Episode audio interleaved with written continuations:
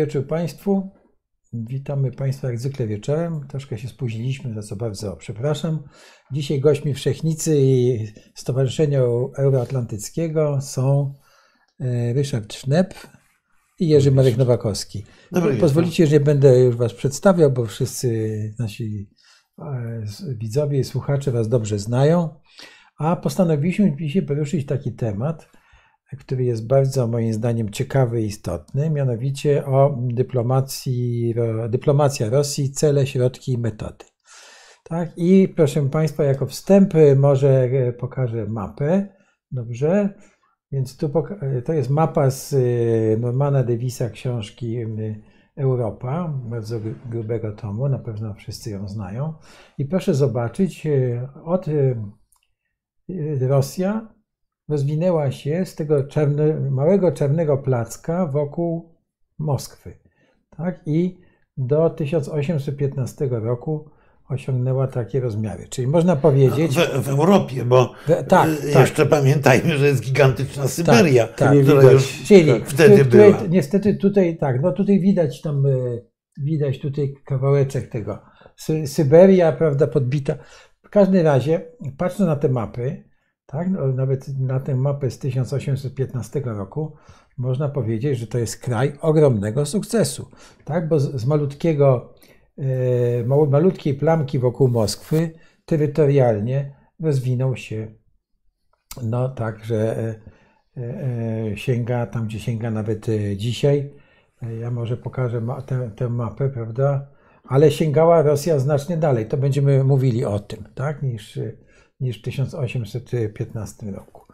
I y, jak Rosja to osiągnęła? Więc o, o tym chcielibyśmy mówić, o jakichś etapach, ale głównie chcielibyśmy też chyba mówić o tym, ja bym chciał zapytać o, czy porozmawiać o tych y, właśnie dyplomacji rosyjskiej. Czy polska dyplomacja i w ogóle dyplomacja na świecie może się czegoś uczyć od y, tej rosyjskiej dyplomacji, jakie są stosowane metody, to oddaję głos w takim razie może Markowi. To może ja króciutko, Dobrze. tak, y, że generalnie o dobrych rzeczy warto się uczyć od wszystkich. Znaczy, Taka dobrych refleksja. skutecznych. I dobrych, dobrych w sensie skutecznych, hmm. praktycznych, które odpowiadają, realizują cele y, polityki państwa, interesy państwa. No, ale taki Każde... realista polityczny powiedział, celu uświęca środki, tak? No, no, w, jakim, w jakimś sensie tak, tylko popatrzmy na tę mapę, bo mówiłeś o dyplomacji rosyjskiej. Otóż ta mapa pokazuje coś dokładnie odwrotnego. Ta Rosja najbardziej rośnie nie metodami dyplomatycznymi, tylko brutalną siłą, brutalnym podbojem. Że ta plamka rozrosła się już do nieomal całej tej części najstarszej Rosji tak. przed Piotrem I w epoce Iwana Groźnego. No, Iwan Groźny raczej dyplomacją posługiwał oszczędnie, a dużo mniej oszczędnie e, przodkami czy poprzednikami sowieckiej, rosyjskiej, Bóg wie jakiej bezpieki. Bo oprócz, oprycznina, która była fundamentem rządów Iwana Groźnego, no to właściwie to jest tradycja, którą nasz rodak Felix Dzierżyński twórczo potem rozwinął w CK i NKWD, prawda? Więc, więc to nie jest dowód na skuteczność rosyjskiej dyplomacji. Myślę, że jak będziemy szukali tych dowodów na skuteczność rosyjskiej dyplomacji, to na tej mapie powinniśmy sięgnąć po tę część zakreskowaną, czyli ziemie, które zostały objęte drugim, a potem trzecim zaborem rosyjskim przeciwko Rzeczpospolitej obojga narodów, dlatego że to się stało. Rosji udało się w ciągu XVIII stulecia dokonać operacji, której próbuje, którą próbuje w tej chwili chyba naśladować. Mianowicie Rosjanie z obrazu dzikusów, nieokrzesanych, chamskich, będących w ogóle Azjatami tak naprawdę, w oczach Europejczyków, a Azjata to była wtedy jeszcze większa obelga niż dzisiaj, e, dzięki właśnie sprawnej dyplomacji Piotra I, a przede wszystkim Katarzyny II, e, zdołali kompletnie zmienić swój wizerunek w Europie. I wtedy, kiedy Rosja rozbierała Rzeczpospolitą, to Europa patrzyła na Semiramidę Północy, jak mówiono o e, Katarzynie II, jako na tę osobę, która na ten, te ciemne tereny Polski, nie, Wyzwala czy, czy, czy polsko-litewskiego państwa, niosła kaganek oświaty, prawie wolności prawie tak naprawdę. Mhm. Przecież największe umysły ówczesnej Europy, z wyjątkiem Jean-Jacques Rousseau, który był wielkim fanem e, e, demokracji szlacheckiej, największe umysły ówczesnej Europy z intelektualnym papieżem, którym był e, Voltaire, tłumaczyły, że to jest właściwie przysługa wobec polskiego narodu, że dokonano rozbiorów. I Rosjanie potrafili dzięki bardzo umiejętnej propagandzie właśnie, dzięki sprawnej dyplomacji tej drugiej połowy XVIII wieku, przekształcić swój wizerunek tak, że Europa zaczęła ich traktować jak swoich. Bo przecież do Europy tak naprawdę Rosja weszła po trupie Polski, czy po trupie Rzeczpospolitej. Wcześniej była krajem właśnie jakiejś północy, wcale nie wschodu. Wschód to była Turcja. Mhm. Wobec tego raz, rosyjska propaganda, ale mamy drugą stronę medalu, czyli mamy to, co działo się na terenie Rzeczpospolitej. Rzeczpospolita rządzona przez jak najbardziej zachodnich władców, dwóch kolejnych Wettynów, czyli ludzi, których realna stolica była w Dreźnie. Nagle zyskała opinię jądra ciemnoty. Nie jądra ciemności, tylko jądra ciemnoty europejskiej. Tak naprawdę, jak ja się przyglądam temu pomysłowi odbudowy Pałacu Saskiego, to ja sobie myślę, że obecnie rządzący w Polsce to mają jakoś takie głębokie zakorzenienie w tej tradycji czasów saskich, kiedy ta Polska trochę niesprawiedliwie, ale była uważana za ciemną, zapuszczoną, dramatyczną w ogóle, jak, jak, jakiś dramatyczny kraj, który należy pozbierać, abstrahując od tego, że August III zapraszam największych kompozytorów, kupował najlepsze obrazy. Uczty Augusta III słynęły w całej Europie. Dzięki umiejętnej propagandzie pruskiej Fryderyka II i Katarzyny II właśnie, czy w ogóle kolejnych władców Rosji, bo jeszcze nawet przed Katarzyną, ta Rzeczpospolita została uznana za centrum ciemnoty, obskurantyzmu i wrzut na ciele Europy. I ja mam takie wrażenie, że my próbujemy kopiować czasy saskie i ta odbudowa pałacu ma być tego jakimś symbolem. Trochę. Znaczy, Więc, rozumiem, że w ten sposób ułatwiamy. No, ułatwiamy pracę dyplomacji rosyjskiej. Bo jak tak. mówimy o dyplomacji rosyjskiej, to pamiętajmy, że dyplomacja rosyjska i miała, i ma kilkakrotnie już w historii. Bo i w czasach sowieckich, i właśnie teraz, i w XVIII wieku za pierwsze zadanie przeformatować obraz swojego kraju. I była w tym nieprawdopodobnie skuteczna i jest w tym nieprawdopodobnie skuteczna. Może tu w takim razie zmienimy, y, panie Krzysztofie, na już komentarze, a potem w czego będziemy jeszcze wyświetlali mapę. Y, będziemy wyświetlali mapę, jak trzeba będzie, dobrze? Rosyjskie nie zablokowały. Dobrze, ale na razie nie będziemy zajmować się komentarzami. Proszę Państwa, wrócimy za chwilkę. Dobrze, to przejdźmy do czasów e, współczesnych, albo nie, a jeszcze troszkę o dyplomacji rosyjskiej. E, no bo rozumiem, że ogromny wkład w powstanie dyplomacji miał Piotr I, który w ogóle mm, zmienił, zmienił Rosję tak? I, I, nawet dzisiaj na uniwersytetach zachodnich są wspaniałe wykłady o tym właśnie, jaka to była postać e, e, i tak dalej. Tak? Ale e, co było potem? Czy no, no, bo chyba zdarzyło się tak, że bardzo ważna postać dla Polski, jak książę Adam Czartoryski, był ministrem spraw zagranicznych Rosji. Czy dobrze pamiętam?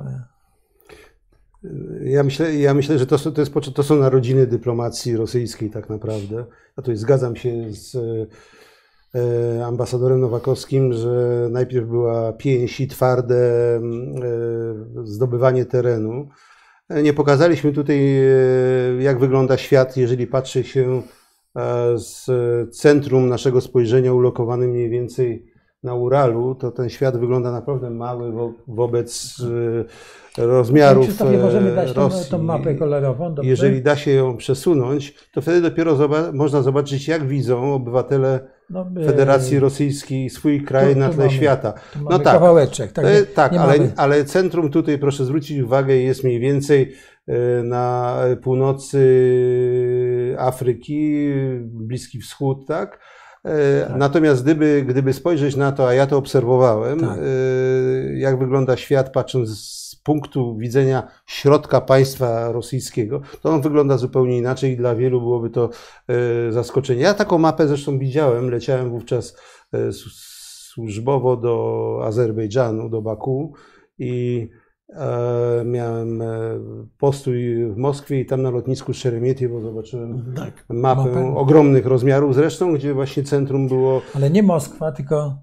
E, na Uralu było lokowane mniej więcej centrum, więc muszę powiedzieć, że zdumiało mnie to, że Europa jest tak mała, jeżeli patrzy się z tej perspektywy no, tak.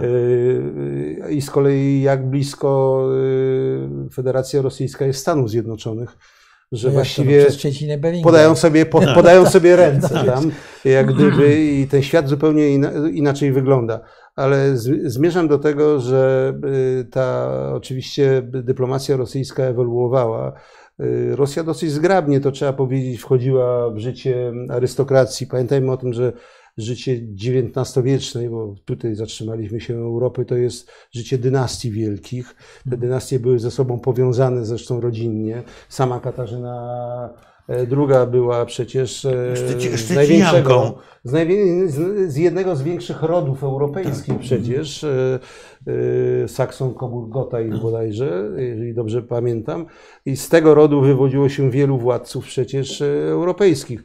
Rosja poprzez związki dynastyczne weszła w, rzeczywiście w koligację europejskiej, a na dodatek miała niezwykle bogatą i twórczą, trzeba to powiedzieć sobie uczciwie, arystokrację, która E, wnosiła też do Europy wiele i nagle na salonach paryskich po prostu e, potrafili zaistnieć, pokazując, że Rosja jest e, inna niż w rzeczywistości. Była, bo była autokratyczna, była i obskurancka też, ale to, co było widać poprzez taki ówczesny PR, tak można by powiedzieć, a ambasadorami wówczas byli nie tylko ci posłowie, tylko właściwie wszyscy przedstawiciele wyższych klas rosyjskich, to ten wizerunek był rzeczywiście no, bliski dla ówczesnych elit europejskich. Zresztą była to, był to miks narodowościowy, umówmy się, że istotną część rosyjskiej klasy wyższej stanowili Niemcy, ale również i Polacy, właśnie tak jak e, Adam Czartoryski który był e, no, w początkach władzy cara Aleksandra I rzeczywiście ministrem spraw zagranicznych, nawet więcej tak naprawdę pełnił de facto rolę premiera e, Imperium Rosyjskiego, próbując to imperium ciągnąć, ciągnąć trochę na zachód. Zresztą potem potem Czartoryski stał się jednym z pierwszych federalistów europejskich e, w momencie, tak. kiedy znaczy, po powstaniu stycznia, po powstaniu listopadowym znalazł się na emigracji. To był jednym z głównych twórców wizji Europejskiej Federacji, więc coś takiego też, e, taka ewolucja też była możliwa, ale właśnie rosyjska dyplomacja tego czasu wykonała kilka kroków. Po pierwsze, zmieniła wizerunek Rosji. Po drugie, rosyjska dyplomacja od Kongresu Wiedeńskiego mniej więcej, czyli po wyrzuceniu z pracy e, Czartoryskiego, tak naprawdę, rosyjska dyplomacja zaczyna robić to, co robi do dzisiaj. Bo myślę, że te debaty, które toczymy nawet w tej chwili w sprawie tego ultimatum Putina, jak zwał, tak zwał tak. w sprawie Ukrainy, są w istocie debatą o dwóch modelach myślenia o polityce. Polityka rosyjska, czy rosyjskie myślenie o polityce, jest myśleniem w kategoriach nieustannej wojny, nieustannego konfliktu. Rosjanie widzą świat jako świat będący, kiedyś o tym mówiliśmy, lustrzanym odbiciem tezy Clausewitza Bo słynne określenie Clausewitza jest, że wojna jest kontynuacją polityki innymi środkami. Otóż od początku XIX wieku, a przynajmniej od Kongresu Wiedeńskiego, czy od wojny z Napoleonem, rosyjskie myślenie o polityce jest odwrotnością, że dyplomacja jest kontynuacją wojny. Mhm. I oczywiście najlepiej wojnę wygrać bez użycia wojska. Ale Rosjanie nieustannie toczą wojnę, nieustannie uczestniczą w konflikcie. Przecież poczytajmy narrację rosyjską, nie tylko współczesną narrację rosyjską z XIX wieku, narrację rosyjską z okresu początków rządów bolszewickich, to jest to opowieść o Rosji, która jest otoczona przez wrogów. No, no ale okay. państwo, ale... które zajmuje jedną piątą terytorium świata, obawia się okrążenia. Prawda? No, śmieszne wydawałoby się, ale Rosjanie to mają całkiem mocno wdrukowane w głowy. I jest to część tej właśnie tego wojennego modelu myślenia o polityce. Tak. Bo e, tak jak w swojej książce napisał Marek Budzisz, dla, w Rosji wszystko jest wojną. I dyplomacja rosyjska w początku XIX wieku w sposób niezwykle udany, chyba podobnie uda, udawało się to dyplomacji brytyjskiej epoki Disraeliego czy, czy Gladstone'a, potrafiła używać argumentu siły, instrumentu siły do wzmacniania swojej pozycji powyżej tej siły, którą państwo realnie posiadało. Więc ta tradycja dyplomacji rosyjskiej, dyplomacji doskonale przygotowanej, dyplomacji zakorzenionej, czy potrafiącej operować kategoriami, pojęciami, sposobem myślenia świata zachodniego, to jest tradycja ostatnich ponad 200 lat, bez względu na to tak naprawdę, kto w Rosji rządził. To w takim razie, czy my w ogóle, czy Zachód w ogóle ma szansę wobec takich e, dyploma, takiej, e, tak powiem, e, takiej pary, jaką ma Rosja, jaką ma dyplomacja rosyjska? To jest jedno moje pytanie. A drugie, ja bym chciał zwrócić uwagę na takie metody, żebyśmy podsumowali, tak? Bo z jednej strony to jest wzrost napięcia militarnego, z drugiej strony to jest każdy dyplomata w swoim kraju ma coś do powiedzenia na temat tego zagrożenia, o którym mówił Marek. Tak, jakie jeszcze e, metody? No gaz, tak? I w takim razie co, co jeszcze moglibyśmy tutaj wymienić? Jako no, te... kultura. Może to zabrzmi e, zaskakująco, ale. No nie, no nie, nie, nie, nie zaskakująco, nie... ale no wszędzie się czyta Dostojewskiego. I... Tak, ale jak, e, jak e, czytam też niektóre pytania, czy raczej e, stwierdzenia, to można by sądzić, że mamy do czynienia z krajem, który jest całkowicie zacofany i, i że tak jak często jest pomiędzy nami upowszechniony wizerunek prostego po prostu chłopa rosyjskiego, który jest niedouczony, i który żyje w biedzie i jakimś e, uciemiężeniu wiecznym, to to jest bardzo jednostronne. E, po to, żeby móc e, bronić, realizować własne interesy, mówię to o polskich interesach, niedocenianie adwersarza, że, że tak użyję tego słowa, jest po prostu gigantycznym błędem. Kultura rosyjska jest bardzo nośna i tak jak wspomniałeś, E, Tolstoi oczywiście, literatura rosyjska, ale też muzyka, e, niezwykle ważna w, e, w promocji Rosji, to jest i przedtem Związku Radzieckiego sport oczywiście, czyli sportowcy rosyjscy.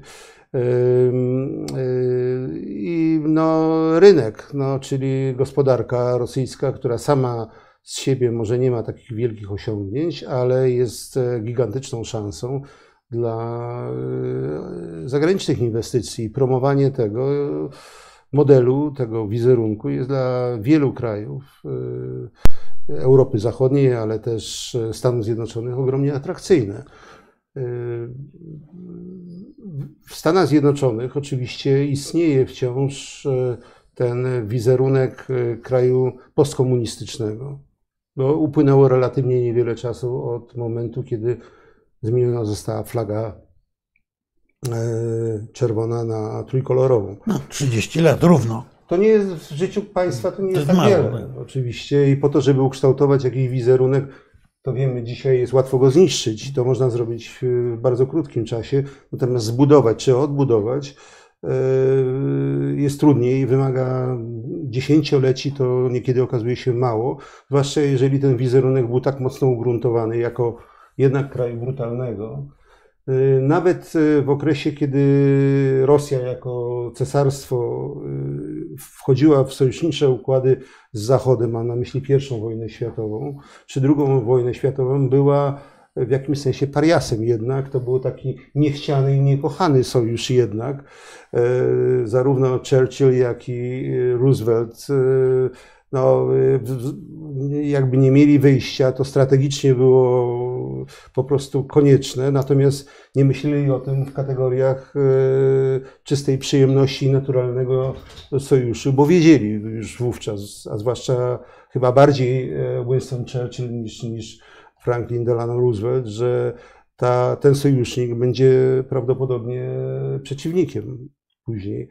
Więc e, Rosja ma długą historię kraju rzeczywiście takiego, który garnął się do Zachodu, ale był też odpychany,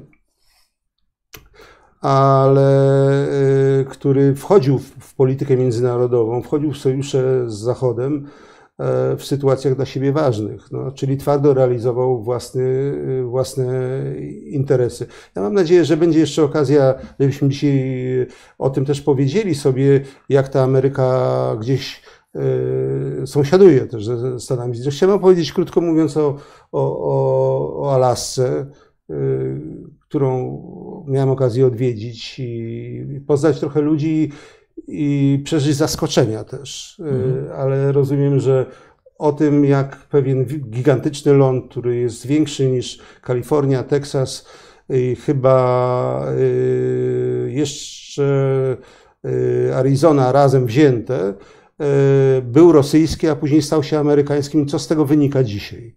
Ale rozumiem, no to, że do tego jeszcze... Nie, tak, no to, no to e, może zaraz do tego wrócimy, ale słuchajcie, jest tak, że jednak dyplomacja zachodnia musi liczyć się z własną opinią publiczną. A jak to jest e, w Rosji?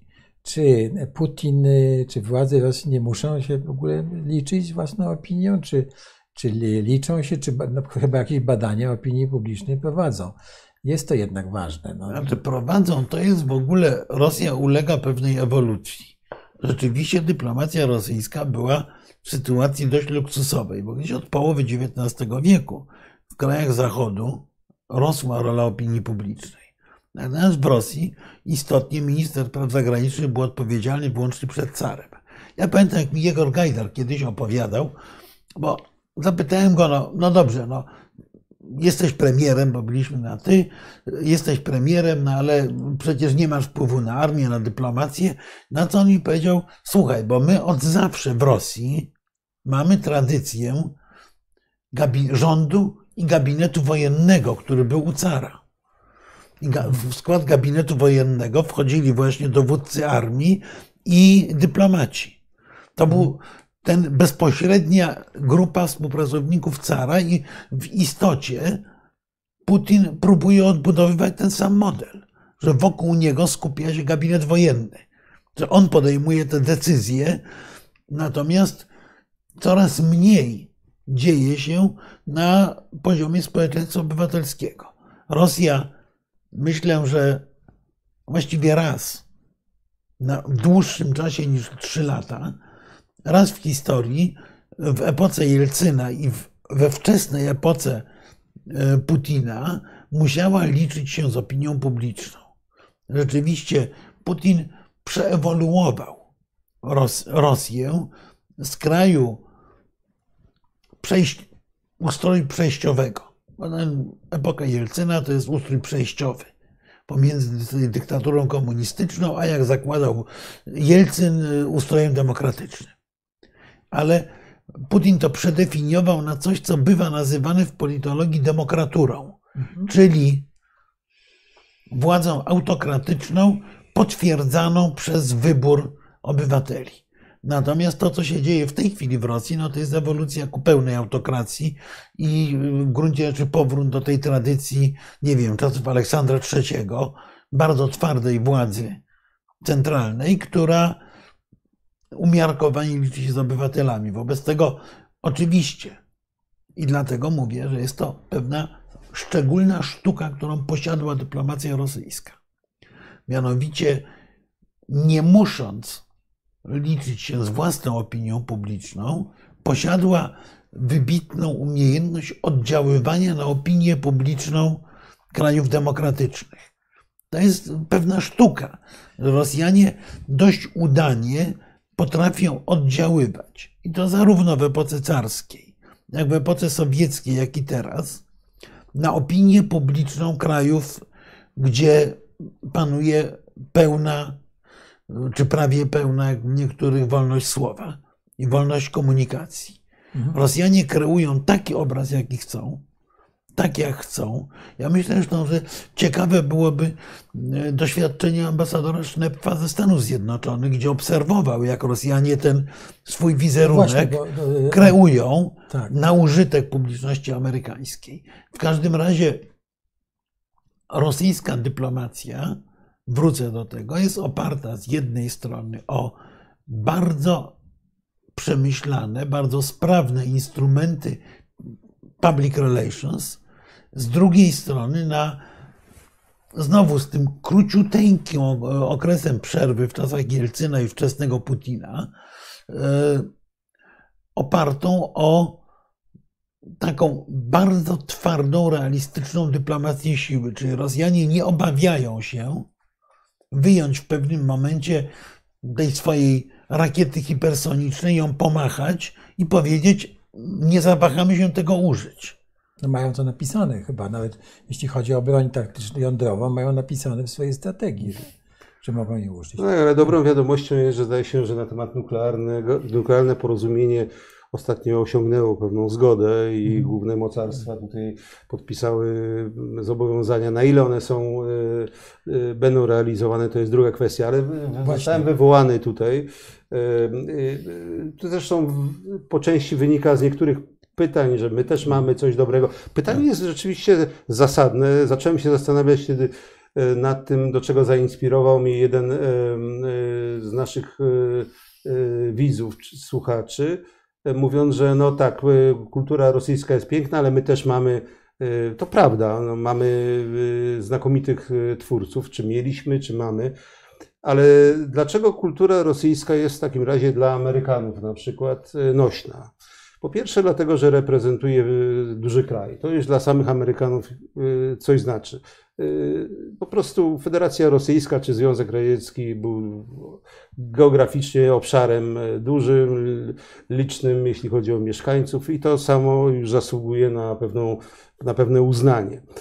Po drugie, to chyba fakt, że ci najlepsi, najwięksi, najbardziej znani twórcy kultury rosyjskiej, nawiązywali w gruncie rzeczy do wzorców y, arystokracji europejskiej. Więc y, nieśli jak gdyby przekaz, y, chociażby jak Tolstoj, ale też jak kompozytorzy rosyjscy, którzy czerpali, czerpali z najwyższej kultury europejskiej. Obecna władza, co, to już uzgodniliśmy przy innej okazji chyba, y, czerpie z wzorców y, przynajmniej stylistycznych, ale nie tylko, y, z cesarstwa rosyjskiego. To widać w tych złoceniach, w tym całym sztafarzu, tak. jaki towarzyszy wejściom chociażby Władimira Putina, kiedy te, te otwierane drzwi. To nie jest, to nie jest ten e, duński premier, który pojedzie nie, to wchodzi na, mona, na rowerze. Tak, wchodzi mon, monarcha, krótko tak. mówiąc. Ta stylistyka jest podtrzymywana w Ameryce. Ameryka zawsze kochała arystokrację tak naprawdę, między innymi dlatego, że jej własnej nie miała. Mhm. W związku z tym podziwiała e, arystokrację i ceniła sobie taką subtelność czy wyrafinowanie, powiedziałbym, wielkich rodzin y, arystokratycznych. Sporo rodzin takich przeniosło się do, do Stanów Zjednoczonych. To jest dłuższa wędrówka. To są y, środowiska białych, ale które najpierw były w Europie, a później y, zrobiły krok przez ocean. I z jednej strony Rosjanie znani są z tego, że stworzyli tam kręgi mafijne. Ja nawet kiedyś korzystałem z takiego limo serwisu, usług wynajmu limuzyn w Kalifornii i okazało się, że wszystkie, wszystkie są operatorami, są Rosjanie i, i kierowcami są kierowcy mówiący po rosyjsku. To było dla mnie zaskoczenie. E, widocznie ten sektor, jak gdyby gospodarki, e, jest opanowany, podobnie jak częściowo kasyna, e, przez konkretne grupy też powiązane no, tą szarą, przynajmniej szarą, jeśli nie czarną strefą. Ale jest druga strona medalu. To są te wielkie rody, które są znane, które są w dalszym ciągu zamożne i które no, y, uczestniczą w życiu publicznym y, Ameryki. E, to jest ta śmietanka, y, śmietanka nowojorska, w której obecność rosyjskich arystokratów jest dosyć znacząca.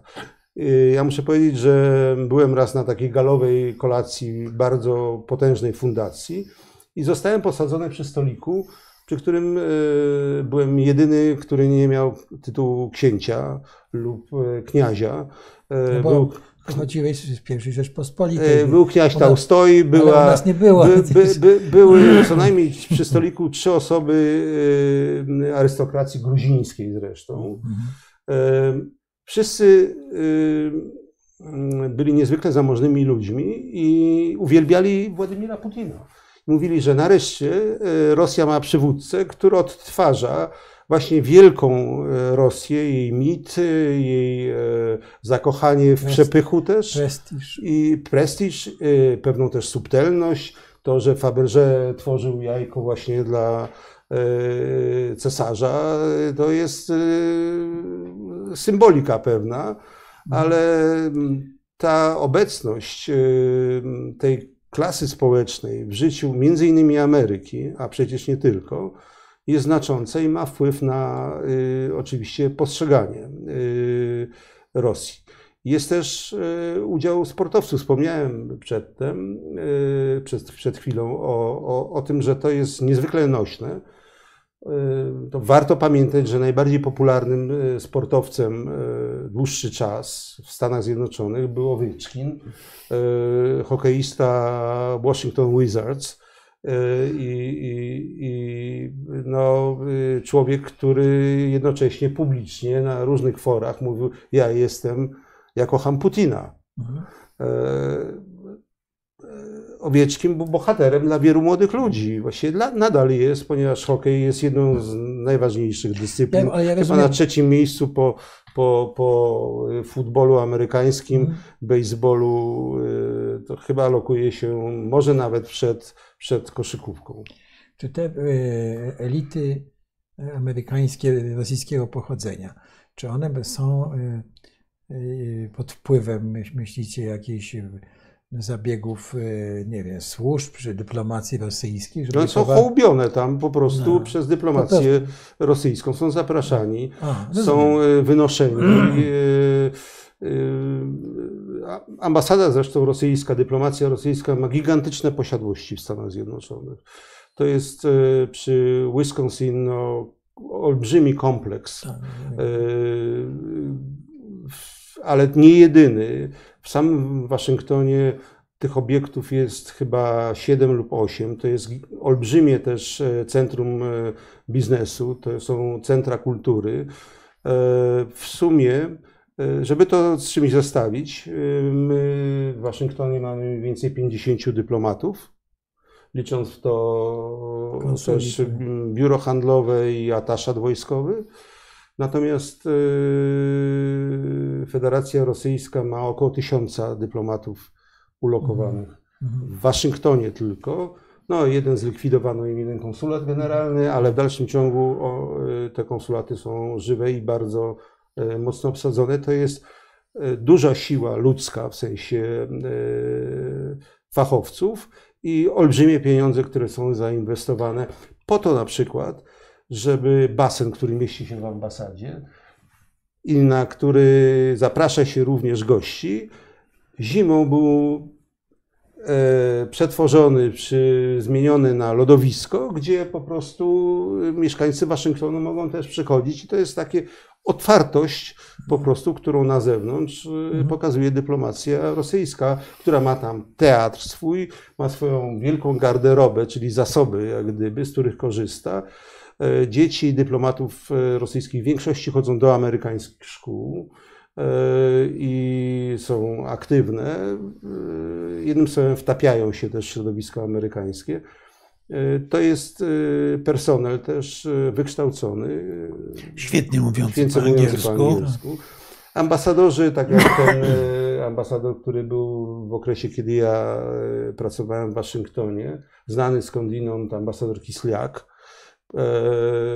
był w Stanach Zjednoczonych 8 lat ambasadorem, a wcześniej pracował jeszcze w Nowym Jorku. W związku z tym miał ogromne doświadczenie pracy w środowiskach amerykańskich. E, Gigantyczną listę znajomości. E, I był, był człowiekiem, który był też pożądany przez różne think tanki, środowiska, żeby zechciał przyjść i, I wystąpić. wystąpić. I no rzadko kiedy to robił. Mhm. No, po to, żeby cena była, cena była wysoka, tak, wysoka, jak gdyby. Tak, ale tu chciałbym zwrócić uwagę na to, że przecież obecny ambasador rosyjski w Waszyngtonie, no w tej, tak powiem, napiętej sytuacji, tak, którą Rosjanie stworzyli, na, na, napisał artykuł wyjaśniający całe stanowisko. Ja tylko foreign, powiem foreign jednemu policy, panu, że tak. Steven Seagal ma korzenie rosyjskie, jakby pan nie wiedział. To nie tylko, że kocha Putina, ale ma no tak, po prostu jest, korzenie rosyjskie. Więcej aktorów kocha Putina, tak. powiedzmy sobie. Ale y, jako metodę działania, prawda, że ten ambasador obecny y, Rosji napisał artykuł y, Foreign Policy, tak, wyjaśniający całe historię, jak jakie są poczucie Rosji, jak była, jak Zachód nie dotrzymywał obietnic i tak dalej, i tak dalej, bo to jest też Podobnie metoda. Jak, tak. To jest no, też ale metoda... Foreign Policy opublikowało przecież premierowo tekst Władimira Putina o tak. historii ten jego, tak. zaczynający tę nową ofensywę dyplomatyczną rosyjską. A w Die z kolei e, ambasador e, rosyjski w Niemczech też przedstawiał swoje racje. To jest oczywiście ja... część pracy y, dyplomacji, ale najważniejsze w tym wszystkim jest, żeby chciano drukować Mhm, tak. Bo wyprodukować tekst, zwłaszcza w przypadku wysokiej rangi dyplomaty, to nie jest problem, bo nie on sam jeden siedzi nad tym przecież, bądźmy tutaj e, e, uczciwi. Natomiast najważniejsze jest to, żeby te główne media, czy to w Niemczech, czy we Francji, czy w Stanach Zjednoczonych, zechciały te opinie publikować na pierwszej stronie czy media podawały to jako ważny news, że oto właśnie ambasador e, rosyjski e, w Stanach mhm. Zjednoczonych opublikował taki tekst i że powiedział to i że to jest cytowane. Osiągnąć to jest w sumie najważniejsze, dużo ważniejsze niż napisać ten tekst. Nie rozumiem, tylko mówimy też o tym, że to musi być dobry tekst, tak? Musi być standing, czyli po, po, pozycja tego tej no ambasady więc, no kraju. ale pozycja, no, to i, jest kluczowe. Tak, I e, do tego no, e, jest to jedna z metod dyplomatycznych też. Tak, e, no, stosowana. Tak, no, się... jak, jak przez kogo? Bo wydaje mi się, że przez dyplomację ostatnich paru lat PiSu to wręcz przeciwnie. To, to, to, to dokładnie odwrotnie, lepiej ja, się nie wypowiadać. Ja, ja chciałbym, ponieważ to jest tak na, na, na, na ciepło, można powiedzieć, bo dzisiaj pewnie część z naszych widzów też zapoznała się z e, mailami e, ministra Dworczyka, bo możemy chyba powiedzieć, że to są jednak maile ministra Dworczyka. Tyle, tylekroć zostały potwierdzone już, że nie powinniśmy mieć co do tego wątpliwości, które ujawniają pracę ambasady w Waszyngtonie i konsulatu generalnego w Los Angeles, które wzięły sobie za cel, cel tak. zniszczenie E, kongresmena amerykańskiego, który. Z Kalifornii chyba i dobrze pamiętam. Yy, yy, Nieważne. Ro, Kana, Kanach chyba, jeżeli dobrze pamiętam, przepraszam, jeżeli przekręciłem nazwisko, z Kalifornii członka Izby Reprezentantów, demokraty, który, który odważył się skrytykować sytuację w Polsce i zamiast przekonywać go do własnych racji, zamiast próbować z nim spotkać tak, to oni mu demonstracje chcą urządzać. To tak, wezwano zresztą dosyć e, akurat osoby z kręgów polonijnych, które są niezwykle kontrowersyjne, które znam osobiście, więc mam tytuł do tego, żeby, żeby to powiedzieć.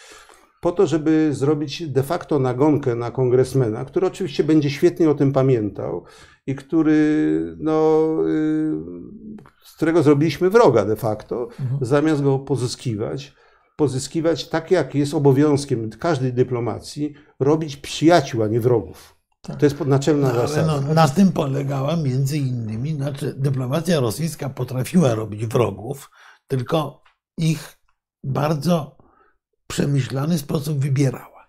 Natomiast jednym z ambasadorów rosyjskich w Waszyngtonie był na przykład mój przyjaciel, chyba mogę powiedzieć, potem rzecznik praw obywatelskich Władimir Bukin. Tak. E, wybitny intelektualista, który się świetnie w Waszyngtonie sprzedawał w latach 90. To on jeszcze pisał artykuł o tym, dlaczego Polska nie powinna przystąpić do NATO. No ale dobrze, no bo od tego jest, tak, tak, ale realizuje mocne swój, argumenty. Miał, tak, tak, realizuje swój interes, na to, bo, bo od tego jest dyplomacja. Dobre to był artykuł zresztą. Natomiast Rosjanie ale, wy, wy, wy, przepraszam, ale nie wystarczająco dobre, żeby wygrał. No, tak, no, I to jest tak, dla nas tak, najważniejsze. Tak. Znaczy, nasze artykuły były lepsze z tego no, wniosek. Nie, Rosjanie po pierwsze nie żałują pieniędzy na dyplomację. To właśnie co mówił Ryszard, że mają nieruchomości, baseny i tak dalej, i tak dalej, bo rezydencje, baseny, właśnie pieniądze na przyjęcia nie są po to, żeby robić przyjemność ambasadorowi, tylko po to, żeby budować pewien krąg ludzi wokół ambasady. Po to się daje prezenty, y, po to się y, zaprasza na obiady, na spotkania, żeby stworzyć pewien krąg przyjaciół, krąg ludzi, którzy przejmą naszą komunikację. Ale to może warto wyjaśnić. są świetni tutaj. Bo to jest ciekawe, dotknąłeś Marku ciekawego elementu, jako też doświadczony, my jesteśmy w gronie dyplomatów w sumie przecież. Tak. E, akurat obaj pełniliśmy funkcje e, ambasadorskie, e, ja czterokrotnie, ale no powiedzmy no tej rangi jak ambasada w Stanach Zjednoczonych raz. Ale muszę powiedzieć, i to się należy naszym, naszym widzom i słuchaczom, że przyjęcie, zwłaszcza w rezydencji ambasadora, to jest dla niego wielkie nieszczęście. Tak. To oznacza nie, wyjęcie z życiorysu kilku dni przygotowań, tak. kiedy nie można swobodnie się poruszać po domu, w którym się mieszka. I paru dni po, nie, nie, można, nie, można, nie można chodzić w piżamie. Trzeba bardzo ostrożnie się przenosić do, do toalety czy do łazienki, bo krążą ludzie, którzy przygotowują, którzy ustawiają stoły. Jednym słowem, yy, kilka dni już przed wydarzeniem i jeszcze dwa dni, kiedy są sprzątania i tak dalej, podsumowania, liczenia, jest to jedna wielka katastrofa. Samo przyjęcie jest stanem permanentnego napięcia i frustracji, przede wszystkim ambasadora, który musi z jak największą liczbą gości rozmawiać, ponieważ reprezentuje swój kraj, musi ich powitać, e, przeważnie z małżonką e, czy, czy partnerką, e, e musi e, po prostu być aktywny e, w każdej minucie dosłownie, Wszyscy zwracają na niego uwagę, wszyscy mu się przyglądają, w związku z tym e, jego koncentracja jest e, w stanie gotowości. Jest to niezwykle stresująca i wyczerpująca działalność. I można powiedzieć, jeżeli ja mam coś e, w pamięci, co, co najgorzej wspominam w sumie, Właśnie to. to są wszelkiego rodzaju przyjęcia. Oczywiście są i sukcesy, i są wielkie satysfakcje, które przychodzą później. Mhm. Taką satysfakcją dla nas, dla mnie osobiście, e, był udział Joe Bidena w e, przyjęciu w mojej rezydencji. E, chyba wspominałem, że nie będę mówił o szczegółach i ujawniał wszystkich sekretów, ale mogę powiedzieć, że to było wyjątkowe wydarzenie w skali Waszyngtonu w ogóle. Koledzy, koleżanki, ambasadorzy dziwili się, jak udało mi się załatwić, że wiceprezydent wówczas urzędujący przyjął zaproszenie i był obecny, ale nawet sobie nie wyobrażacie Państwo, tu mówię już do, do, wprost do Państwa, z jak ogromnym stresem i jak wielką niewiadomą było, jaki będzie w kontakcie osobistym wiceprezydent Stanów Zjednoczonych, co powie. Nie mówiąc o tym, jakie środki bezpieczeństwa należało podjąć, jakie podejmowała strona amerykańska, żeby przygotować to. Ponieważ ja miałem psa, to mogę tylko powiedzieć, że w pewnym momencie dostaliśmy telefon, że za 20 minut będą służby amerykańskie Secret Service. Prześwietlić ci psa. Które, które przyszły z psami też, czyli dwoma owczarkami niemieckimi, tak. które natychmiast mój bokser wyczuł na górze i prawie, że doszło do zwarcia między nimi. Musieliśmy te psy rozdzielać, a psy i, i ludzie z urządzeniami chodzili, zaglądali w każdy komputer, w każdą szufladę, no żeby tak, sprawdzić, tak, czy tam nie ma jakichś środków czy też badali ślady jakieś, prawda, e, badali odczynniki chemiczne i tak dalej. I też nie było jeszcze pewne, czy, na, czy, czy wiceprezydent będzie, czy nie będzie. Byłem dopiero na 90 powiedzmy 8% pewien, no, jak zobaczyłem helikoptery, które krążą nad moim domem. No tak, ale, ale powiem, powiedzmy sobie szczerze, no, y, wbrew stereotypowi. Tutaj padło kilka ważnych rzeczy. Za, no za, za chwilę trzeba się do nich odnieść, ale jeszcze jeżeli mówimy o tych, o tych przyjęciach, bo to jest taki mit, że ten ambasador to jest taki nierób, który siedzi, tylko żre kawior, popija Nie, go słuchajcie. E, szampanem. Natomiast e, zadaniem głównym dyplomaty, nie tylko ambasadora, jest to, żeby budować wizerunek swojego kraju. Rzeczywiście przyjmowanie gości, a ja to robiłem praktycznie trzy razy w tygodniu. To jest piekło. To jest najgorsza rzecz, jaką sobie można w ogóle, w, w, w ogóle wymyślić, bo człowiek nie ma chwili spokoju.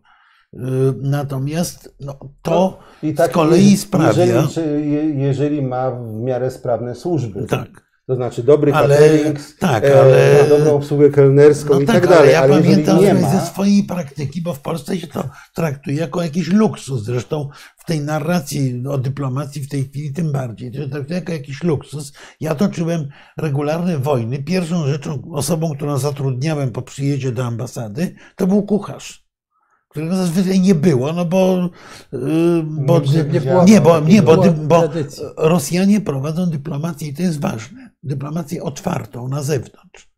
Mhm. Natomiast nasza tradycja, jeszcze z PRL-u wyrosła, to jest dyplomacja zamknięta. Teraz jest ona szczególnie zamknięta, że właściwie najlepiej jak dyplomata siedzi w biurze, odbiera maile z centrali i odpowiada tej centrali. I on nic więcej nie powinien robić. Dobrze, ale... Cały personel obiera tak, ziemniaki. To ja to nie, a, a, a, a, jeżeli, a jeżeli już nawet nie, to cały personel skupia się razem w kącie.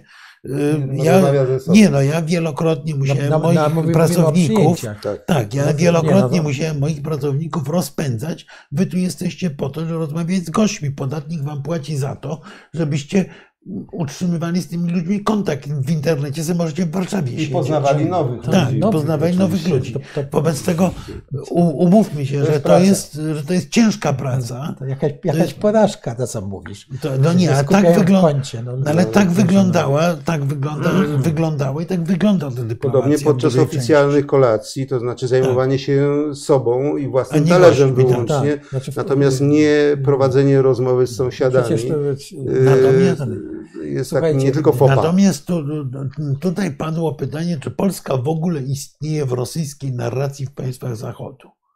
No właśnie, e, odpowiedź na to. Ja bym odpowiedział tak, nie, nie istnieje, pojawia się od czasu do czasu jako wróg nawet nie dyżurny, a symboliczny. Czyli jeżeli trzeba w opowieści o tym, jak bardzo Rosja jest demokratyczna i otwarta, jak bardzo chce ze wszystkimi współpracować, chce się znaleźć negatywny kontrapunkt, to się mówi, że no są ci Polacy, którzy są rusofobami, którzy nas nienawidzą historycznie i którzy zawsze będą o nas źle mówili. Do tego wyłącznie służy Rosjanom Polska. Polska od połowy lat 90.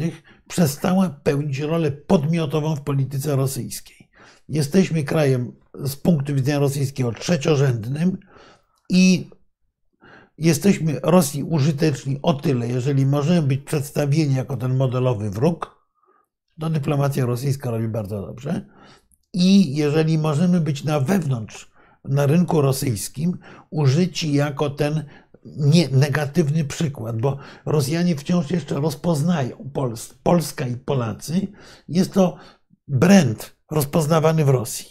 Wobec tego jak potrzeba negatywnego przykładu, to się mówi o Polsce, ale Polska jako partner dla Rosji nie istnieje. Rosjanie rozma rozmawiają z mocarstwami, Rosjanie rozmawiają z dużymi krajami, Rosjanie rozmawiają ze swoimi satelitami. Nie mieścimy się w żadnej z tych kategorii, natomiast świetnie mieścimy się nader często w kategorii, znowu mówimy, mówiąc o dyplomacji rosyjskiej, pożytecznych idiotów.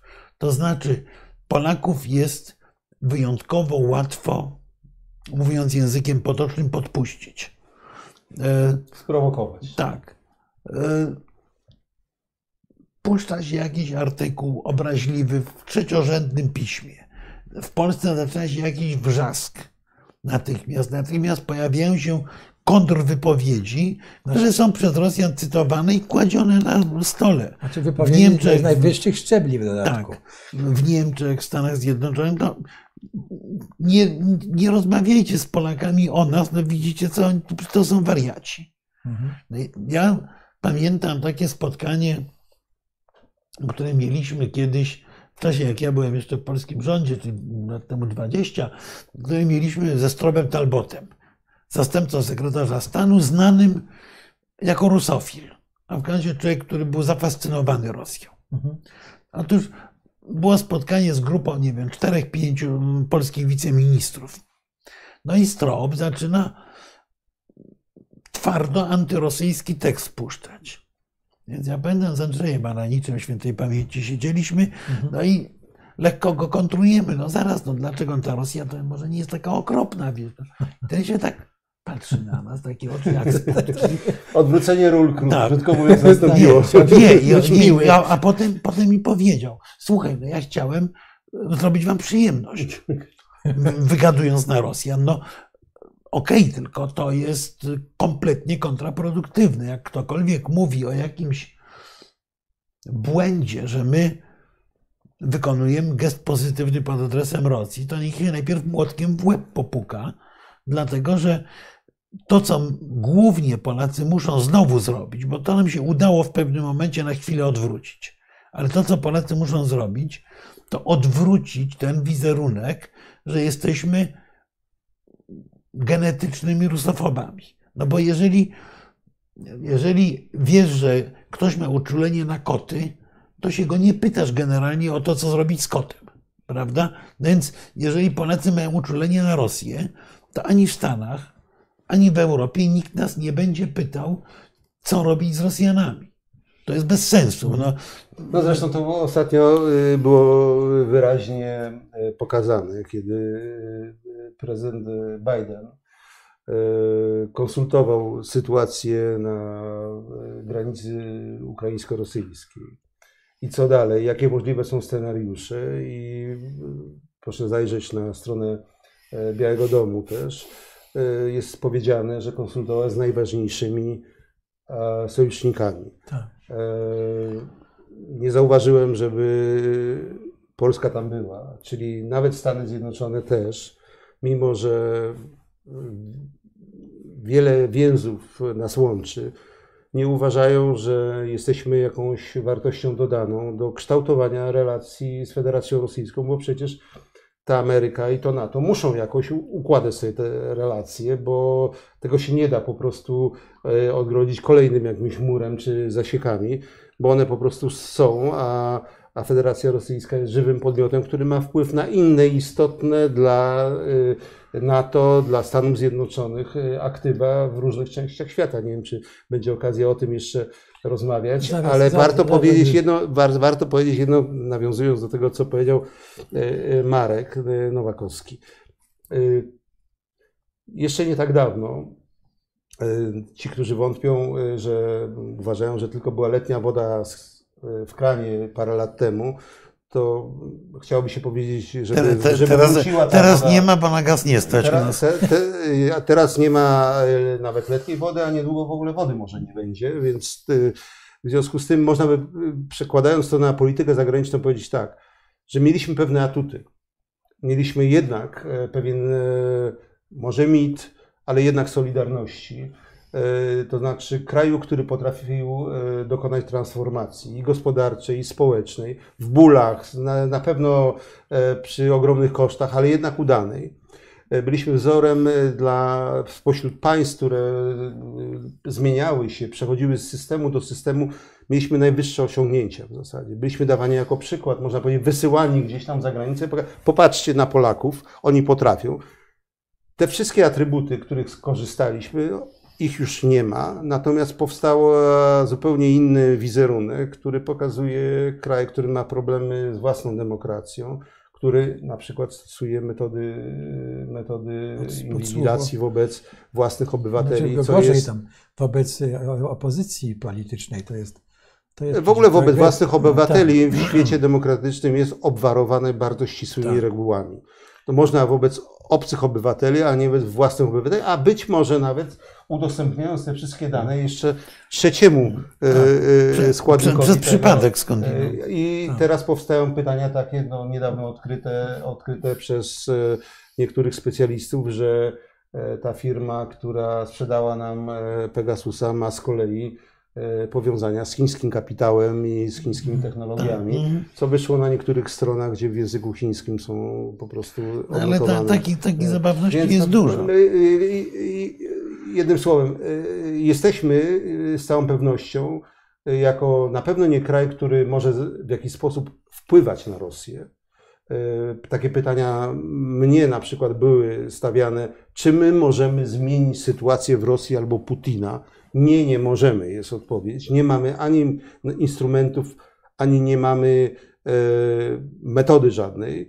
E, natomiast e, funkcjonujemy jako element pokazania waśni, pokazać nieudolności też. I tak jak tu kolega powiedział, no, skorzy zawsze do tego, żeby Wiesz, uczepić się jakiegoś. Ja nie chciałem tego powiedzieć, no. powiedzieć czegoś, co może niektórzy uznaliby za, za e, trochę obraźliwe jednak. Nie chcemy być pożytecznymi przecież idiotami, ale dajemy się łatwo sprowokować. I mamy taki nerw wrażliwy, który wystarczy, że czy to Ławrow, czy Putin y, dotkną i u nas pół Polski podskakuje, podskakuje od razu z tego i tak. dostaje gorączki tak, natychmiast, co oczywiście źle wróży decyzjom, które w wyniku no, stanie gorączki się podejmuje. Przykładem, przykładem były ten y, wypowiedź czy tego Putina o Beku, prawda, mhm. jakiś czas temu. Tak, no tak, ale to, to była absolutnie świadoma prowokacja. Tak, świadoma natomiast, prowokacja. Natomiast wracając do właśnie kwestii dyplomacji. Otóż Rosjanie traktują dyplomację jako oprzyrządowanie do realizacji swoich celów.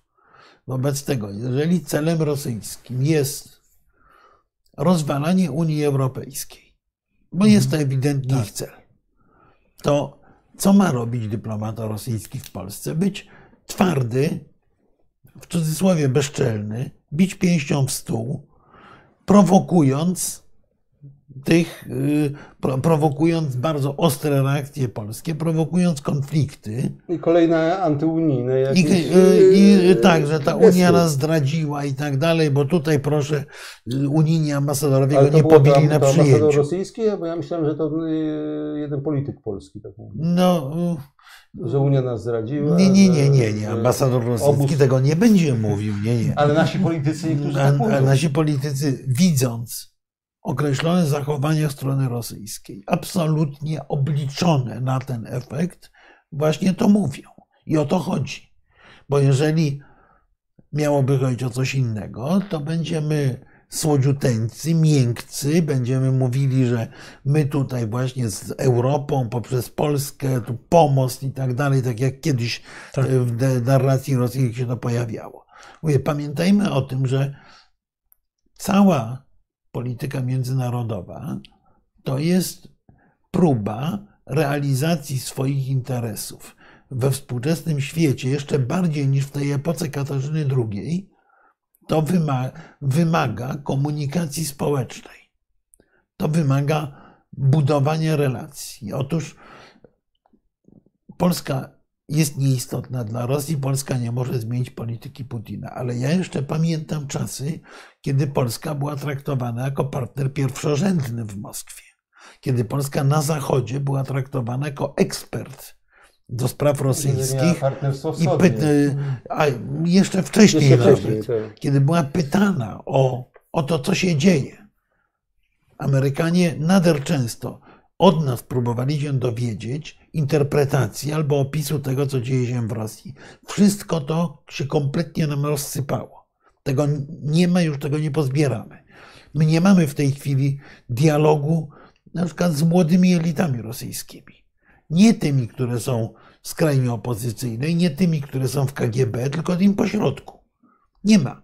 Przecież w początku lat 90., jak my jako środowiska związane z Solidarnością czy opozycyjne zapraszaliśmy Rosjan, to przyjeżdżali wszyscy najwyższej rangi.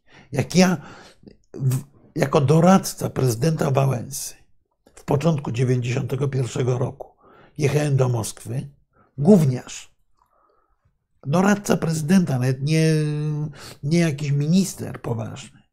Ja byłem przyjęty przez prezydent, przez wiceprezydenta Janajewa, przez ministra spraw zagranicznych i przez wszystkich możliwych najwyższej rangi przedstawicieli, bo przyjechał z Polski, bo reprezentował tę legendę Solidarności. Marku, ale chcesz, czy chcesz powiedzieć, że myśmy coś e, zepsuli w tych relacjach z znaczy, Rosją? Myśmy nie e, skorzystali z okazji, być może słusznie. Być może słusznie. Ja pamiętam jedną, jeden moment, myślę, że to był jedyny raz w XX wieku, kiedy mogliśmy naprawdę e, myśleć o realnej sojuszu czy współpracy z Rosją. To była sytuacja, w której Jelcyn po przewrocie Janajewa, mhm. Jelcyn zwrócił się do Wałęsy konfidencjonalnie z, pro, z propozycją nowej Norymbergi, z propozycją gigantycznego publicznego procesu przeciwko komunistom, w którym on i Wałęsa mieli być oskarżycielami. Zwróćcie uwagę, e, panowie czy państwo, jak przeczytacie stenogramy wypowiedzi Jelcyna tuż po upadku puczu. Jelcyn dwukrotnie powołuje się na to, że komunikował się z Wałęsą. Nie komunikował się. Ale ten Wałęsa był mu potrzebny jako symbol. On się zwracał z, taką, z takim pomysłem i wtedy i minister Skubiszewski i chyba większość polskiej klasy politycznej, pamiętam, sam uczestniczyłem w takich rozmowach, że było to chyba za blisko jeszcze czasów komuny, bo argument był taki, że nie będziemy jak komuniści grali na poszczególne frakcje w Moskwie. Niech oni się zajmą tym sami. No ja myślę, I w to nie, nie weszliśmy. Ja, ja, ja, muszę tutaj swoje zdanie odrębne jednak. No, znaczy, ja słyszałem e, pomysły na Norymbergę dla komunistów umownych w Polsce. E, ze, ze środowisk najbardziej skrajnie, skrajnie prawicowych, konserwatywnych w Stanach Zjednoczonych. To było przyjęte e, ze zdumieniem. To, słyszałem, to już było po wygranych wyborach, wygranych wyborach przez Andrzeja Dudę, tych pierwszych wyborach w 2015 roku. To kompletnie inny czas i epoka. Ale chciałem powiedzieć tak, ja myślę, że to było bardzo inteligentne, bo e, jeżeli Jelcyn chciałby stworzyć Norymbergę dla, i dla Rosji, i dla Polski, to musiałby zmierzyć się prawdopodobnie z siłą, która, której by nie, nie przetrwał. Której by nie przetrwał. O, tak. Oczywiście, natomiast, natomiast to, że zasugerował to prezydentowi Wałęsie, to tylko instynkt jakiś prezydentowi Wałęsie podpowiedział, żeby nie robić głupstw, bo Norymberga była jedna i dotyczyła tak. jednak hitleryzmu i, i nie wolno łączyć takich rzeczy.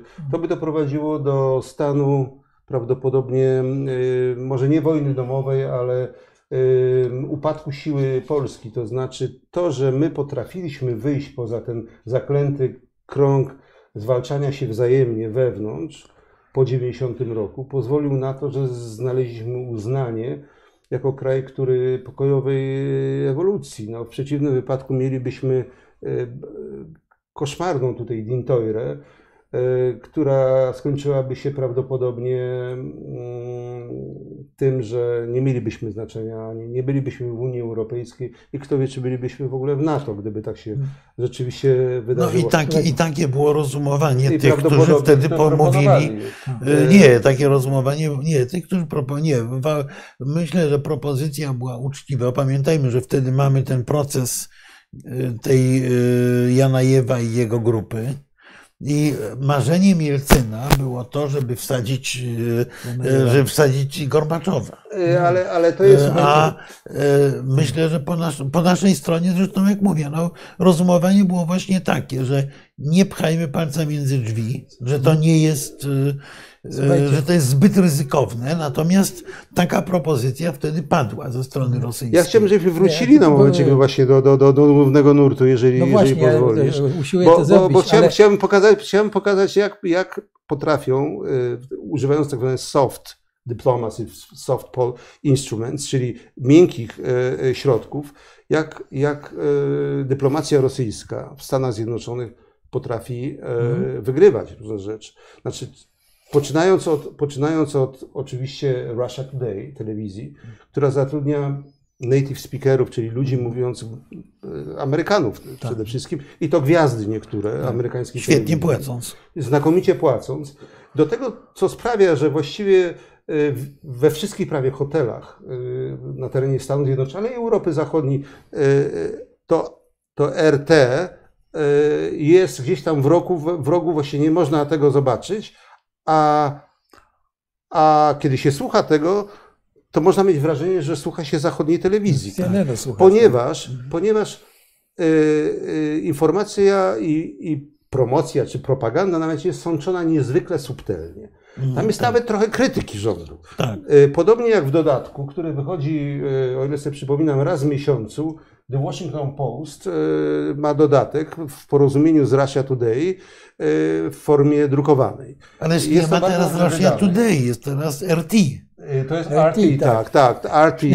E, no tak, właśnie e, w ten sposób nawet e, przeciętny turysta, będąc w hotelu, nawet nie zdaje sobie sprawy, tak. ogląda twarze, które zna zresztą z amerykańskiej tak. telewizji, a które występują w telewizji rosyjskiej i nie mówią językiem, tak jak nam się wydaje, takiej y, dramatycznej, grubo ciosanej propagandy sowieckiej z dawnych mm. czasów, tylko to jest kolorowe, to jest dobrze przygotowane technicznie, to są eleganckie studia i do tego jeszcze y, jest krztyna i dowcipu, humoru i jest też y, odrobina krytyki pod adresem y, rządu Putina, czy tego, co się gdzieś wydarzyło to jest w tak zwanej bańce, która jest dozwolona. A wszystko to bierze się, co, co można powiedzieć, na własne oczy zobaczyłem. Y, to jest, dlatego mówiłem o tej Alasce, że ona jest ważnym mhm. probierzem, ponieważ Alaska była rosyjska i została kupiona przez Amerykanów przecież. Ale wiecie, wiecie panowie, jaka jest dominująca religia wśród y, y, autochtonów, czyli, czyli Eskimosów, ludzi, to jest 27 plemion mhm. w tej chwili. Jaka jest religia, którą oni Prawosławie. Wyznają. Prawosławie. Okazuje się mianowicie, że y, tam, y, nawet jak to była ta, ta, ta obłaść i tam był gubernator rosyjski, to nie było przemocy. Tam działali głównie duchowni prawosławni, którzy uczyli miejscowych e, uprawiać ziemniaki. E, e, przy okazji religijnego obrządku uczyli ich, jak żyć, jak poprawić standard życia w tych trudnych warunkach, jakim mhm. jest e, no, wieczna tajga właściwie. I do dzisiaj tam na Alasce są olbrzymie centra prawosławia, co sprawia, że człowiek ale, na ulicy widzi ale duchownych. E, jakiemu kościołowi podlegają? Ja myślę, że e, to językiem obrządku jest starocerkiewny. Starocerkiewny, tak. Na ulicy można spotkać, w tym już w mikrobusie, w standardzie amerykańskim, ale duchownych, których widać po ich stroju i, i, i, i, i brodach, że są y, po prostu y, prawosławni.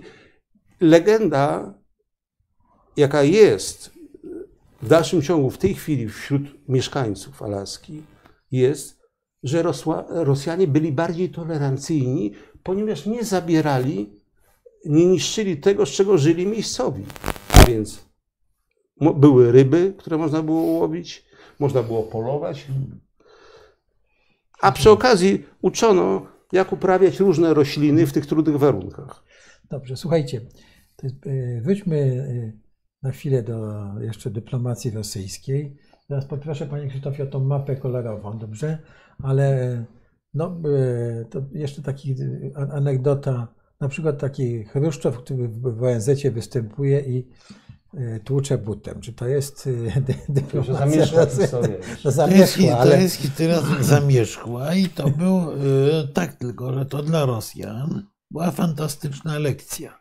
Mhm. Że te metody, które były stosowane w epoce Stalina i Mołotowa, przestają działać. Mhm. Rosjanie potrafią bić pięścią w stół. Rosjanie potrafią w sposób niesłychanie brutalny wypowiadać pewne rzeczy. No przecież te dokumenty, które 15, grudnia. 15 grudnia otrzymała zastępczyni sekretarza stanu, to są de facto ultimata. Mhm. To są dokumenty, które się zasadniczo w realiach dyplomacji nie są, nie są używane, zwłaszcza, że zostały po dwóch dniach upublicznione przez stronę rosyjską. Brutalne żądania właściwie kapitulacji, prawda? Rosjanie potrafią walnąć pięścią w stół, ale teraz jest pytanie dlaczego. Bo oczywiście, y, jak u nas czytamy, to wydaje się, że to jest jakiś zamach na Polskę. Tylko o Polsce Rosjanie tam niespecjalnie mówią ewentualnie Ukrainie.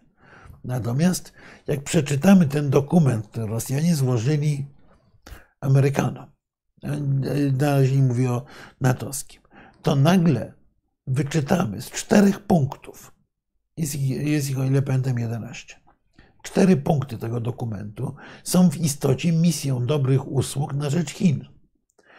Mówiłeś na początku o, tym, o, tym, o tej deklaracji e, dotyczącej nieużycia broni atomowej. Znowu, to jest głównie interes chiński. No pamiętajmy, że konflikt amerykańsko-chiński, o którym się czasami mówi o Tajwan, ma jedną zasadniczą cechę. I my czasami o tym zapominamy, że nie ma równowagi wojskowej pomiędzy Stanami Zjednoczonymi a Chinami, ponieważ nie ma możliwości wzajemnego zniszczenia. Znaczy, Stany Zjednoczone mogą zniszczyć Chiny, natomiast Chińczycy nie mogą zniszczyć Stanów Zjednoczonych. Mogą zadać szkody, ale 350 głowic chińskich nie jest w stanie zniszczyć Ameryki. Wobec tego Ameryka posiada strukturalną przewagę militarną nad Chinami. W, no I powiedzenie, że rezygnujemy z użycia broni atomowej, jest w istocie w gestem w interesie Chin, bo teraz Rosjanie zaproponowali w tym papierze, to jest piękna właśnie lekcja dyplomacji. Po roz, on, on jest upubliczniony, przekazany po rozmowie Władimira Putina i z Joe Bidenem i potem z Xi Jinpingiem. I co tam mamy? Mamy ze strony rosyjskiej na przykład żądanie, żeby Stany Zjednoczone wycofały broń atomową ze wszystkich terytoriów nieamerykańskich. No oczywiście u nas. Na mapę, no tak, to na pewno chodzi o te parę rakiet, które są w Niemczech. Nie. Tu chodzi o stary chiński pomysł denuklearyzacji Półwyspu Koreańskiego, wycofania broni atomowej z Japonii. Przede wszystkim, gdzie jest jej dużo więcej i jest. Y, no, no, i głównie zagraża Chinom. I zagraża głównie Chinom, Rosji też, ale, ale no, tak. no wystarczy spojrzeć na mapę właśnie, żeby widzieć, że Chinom dużo bardziej.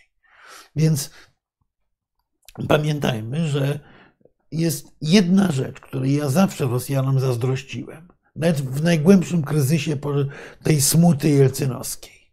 Otóż oni rozumują w kategoriach globalnych. Ich myślenie polityczne jest myśleniem w kategoriach całego świata. I zderza, jak w momencie, kiedy my się z nimi zderzamy czy, roz, czy rozmawiamy, to, my... to nader często, tak, łącznie z najlepszymi z naszej strony, miewamy poczucie pewnego prowincjonalizmu. My myślimy w kategoriach regionu Europy. Rosjanie na wyrost, wbrew swoim siłom i możliwościom, myślą w kategoriach mocarstwowych. To jest też jedna, jedna z sił rosyjskiej dyplomacji, bo to jest, to jest trochę tak jak to, że jeżeli wchodzisz na przyjęcie w smokingu od Armaniego, to jesteś, nawet jak cię nie znają, to jesteś postrzegany jako ktoś, no, gość poważny, prawda? Bo to widać. No, Rosjanie. Armani to no, ro, ro, Rosjanie. nie, ja, tak. ja wiem, ja wiem, że to jest. E, ale Rosjanie właśnie noszą się tak jak mocarstwo, nawet jak tym mocarstwem nie są. Bo o ile nasza dyplomacja groteskowo wstaje z kolan, pochukując gdzieś po kątach, to Rosjanie. Plącząc się e, w za długie nogawy. Tak, to Rosjanie wkraczają nie w smokingu od kogokolwiek, bo oni jako chyba jedyna dyplomacja na świecie mają mundury. Nie, nie jedyna. No jedna Hiszpanie mają, Hiszpanie mają, mają najpiękniejsze, przepiękne zresztą mhm. mundury. Rzeczywiście te, wspomniałeś o mundurze dyplomacji rosyjskiej. Piękne one nie są. Nie, obrzydliwe są, są ale są bardzo wojskowe. W stylu. Ja, ja, ja, no to ja bym kolejarskie. Wracamy do tego, mhm. ale, do tego o, o czym mówiliśmy. Ale, nie, ale, ale tutaj Marek odwołał się do kwestii nuklearnej, to jest, to, to jest duży tak. temat, jak gdyby. Czasu niewiele, a temat duży. Od 1945 roku ile razy była broń nuklearna użyta? Od 1945? Tak. Znaczy mówimy już po Hiroshimie i Nagasaki? Tak. No raczej nie była. Ani razu. Ani razu. No, no. Jest to y, instrument nacisku, oddziaływania. Tak. Praktycznie rzecz biorąc, nie ma takiej, a, takiego kraju, który by, chyba że jest kompletnie niestabilny, znaczy w akcie desperacji, i tutaj można by liczyć na Koreę Północną na przykład, w akcie jakiegoś. No, w zgodnej opinii ekspertów największe zagrożenie konfliktem, konfliktem nuklearnym jest na granicy Indii i Pakistanu. E, ale oba te kraje akurat e, są e, kontrolowane przez rządy, które uczestniczą w zarządzaniu światem. Zarówno chiński, jak i rząd Indii. Y, rząd Indii zresztą y, jest wciągany w tak. różnego rodzaju inicjatywy też z zachodu i wschodu jednocześnie. I oni tradycyjnie y, są jedną nogą mm. tu, a drugą nogą podpisują kontrakt na kałasznikowy, prawda? Na, na, na produkcję z kolei z Rosją. Mm. No, Indie są największym rynkiem eksportu broni rosyjskiej. Otóż oczywiście to jest sytuacja możliwa, ale to jest sytuacja absolutnie skrajna. Y, ja myślę, że Chiny tak bardzo się nie boją amerykańskiej broni nuklearnej, no. bo y, sprowokowanie uderzenia nuklearnego y, może doprowadzić po prostu do katastrofy ogólnoświatowej, która to nie będzie tak. Polecam no. tym, którzy nie widzieli film Nie patrz w górę. Mhm. E, żeby zobaczyć, że to dotyczy nas wszystkich. Nie ma takiej możliwości praktycznie, żeby ograniczyć skutki czegoś takiego jak atak, ograniczony nawet atak nuklearny, e, nie oczekując, że z tych 300 e, ładunków jądrowych wystarczy, żeby 10 się przedostało przy użyciu rakiet. Pamiętajmy o tym, że te środki przenoszenia głowic nuklearnych są zupełnie inne niż były y, lat temu 20, 30 czy 40, że doszło do miniaturyzacji broni nuklearnej. Znacznie mniejsze pociski, rakiety mogą przenosić takie ładunki. No tak, ale... I dlatego między innymi Koreę Północną na to stać. Mnie się wydaje, że y, świat oczekuje, a politycy z tych pierwszych szeregów, mam na myśli Stanów Zjednoczonych, Chin i też Federacji Rosyjskiej muszą pokazać, że mają dobrą wolę. No tak. Natomiast co innego jest przeginanie się w kwestiach handlowych i tutaj można sobie oczywiście i nam też zaszkodzić. Ale zwróćmy uwagę na to, jakim językiem operują, jak, jak, jak toczy się rozmowa, czy, czy, czy to nawet stawianie warunków pomiędzy y, adwersarzami. Niezwykle spokojny sposób I nawet jeżeli padają bardzo mocne nie tyle deklaracje, ile żądania ze strony rosyjskiej wobec Stanów Zjednoczonych, to później ma miejsce w gruncie rzeczy spokojna wymiana zdań między przywódcami. Ten świat no, jest to, trochę inny niż. To opakowanie to jest jakby inna historia. Przypominam, że jednym z najpiękniejszych dokumentów dyplomatycznych była, była depeża Winstona Churchilla wypowiadająca wojnę Japonii. Nie, jeden z najbardziej uprzejmych tekstów dyplomatycznych, jakie w ogóle. Nie wysyła już y, deklaracji wojennych. No, Chciałem przypomnieć. Dzisiaj się ogłasza. Dzisiaj, dzisiaj się atakuje po prostu, jeżeli już. Ale, ale pamiętajmy o tym, że żyjemy w świecie, w którym to, co nastąpiło w Rosji, nie powiedzieliśmy o tym, to jest dezideologizacja dyplomacji rosyjskiej. To, co, to, co obciążało całą dyplomację okresu sowieckiego, to jest to, że ona była ciężko przywalona ideologią. No, teraz ja bym, służy państwu. Ja bym. E, tak, teraz służy państwu. Nie jest, nie jest ideologią. No tak, znaczy, e, służy mocarstwu. Teraz, no tak, a to nie jest ideologia. Przedtem służyło marksizmowi, leninizmowi, pewnym e, koncepcjom, wizjom świata. No, aczkolwiek Dzisiaj to jest końcówce interesom, też mniej. E, w samej końcówce powiedzmy. Tak, druga, ale tym niemniej ten e, cel główny. Druga znaczy rzecz taka, to jest taka, że elity, współczesne elity w każdym właściwie kraju są niezwykle zamożne. Wszyscy. Poczynając od Xi, prezydenta Chin, E, poprzez oczywiście Putina, ale także elity amerykańskie, czy w jakikolwiek innym kraju.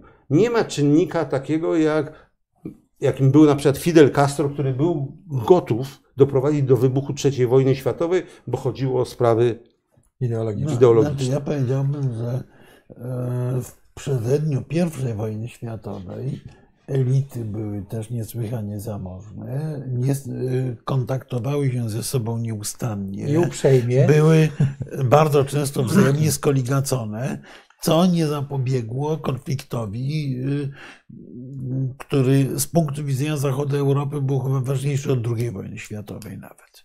Więc to, to nie jest no wyjaśnienie. ale to jest właśnie jasne, że pierwszą wojnę światową wywołał w jakimś sensie, sprowokował po prostu konflikt dynastyczny de facto. To była bijatyka pomiędzy dynastiami, które no, zresztą były skoligacone ze sobą. Były bardzo skoligacone. To, to, to fotografia e, króla brytyjskiego z carem rosyjskim pokazuje, że oni wyglądali jak bracia bliźniacy przecież. Okej, okay, ja pamiętam e... zdjęcie rodzinne królowej Wiktorii na przykład to jest po prostu cała Europa, włącznie z e, jej e, tylko, wnukiem, że to już który był później nie, królem Hiszpanii. Tak, tylko to już absolutnie nie był konflikt dynastyczny. Tutaj bym, tutaj bym się bardzo spierał. To był konflikt interesów, to był konflikt gry mocarstw. Gry Dokładnie mocarstw, takie, jaką mamy w tej chwili, tylko w zupełnie innej skali. I to po pierwsze. Po drugie. Ja jest sprowokowany przez konflikt dynastyczny. No, ale y, przez do, dowolnego rodzaju konflikt może oczywiście być sprowokowany w tej chwili konflikt wojenny. To raz. Dwa. Y, myślę, że niestety nastąpiło w myśleniu generałów odczarowanie broni atomowej. Jak się poczyta to, co mówią y,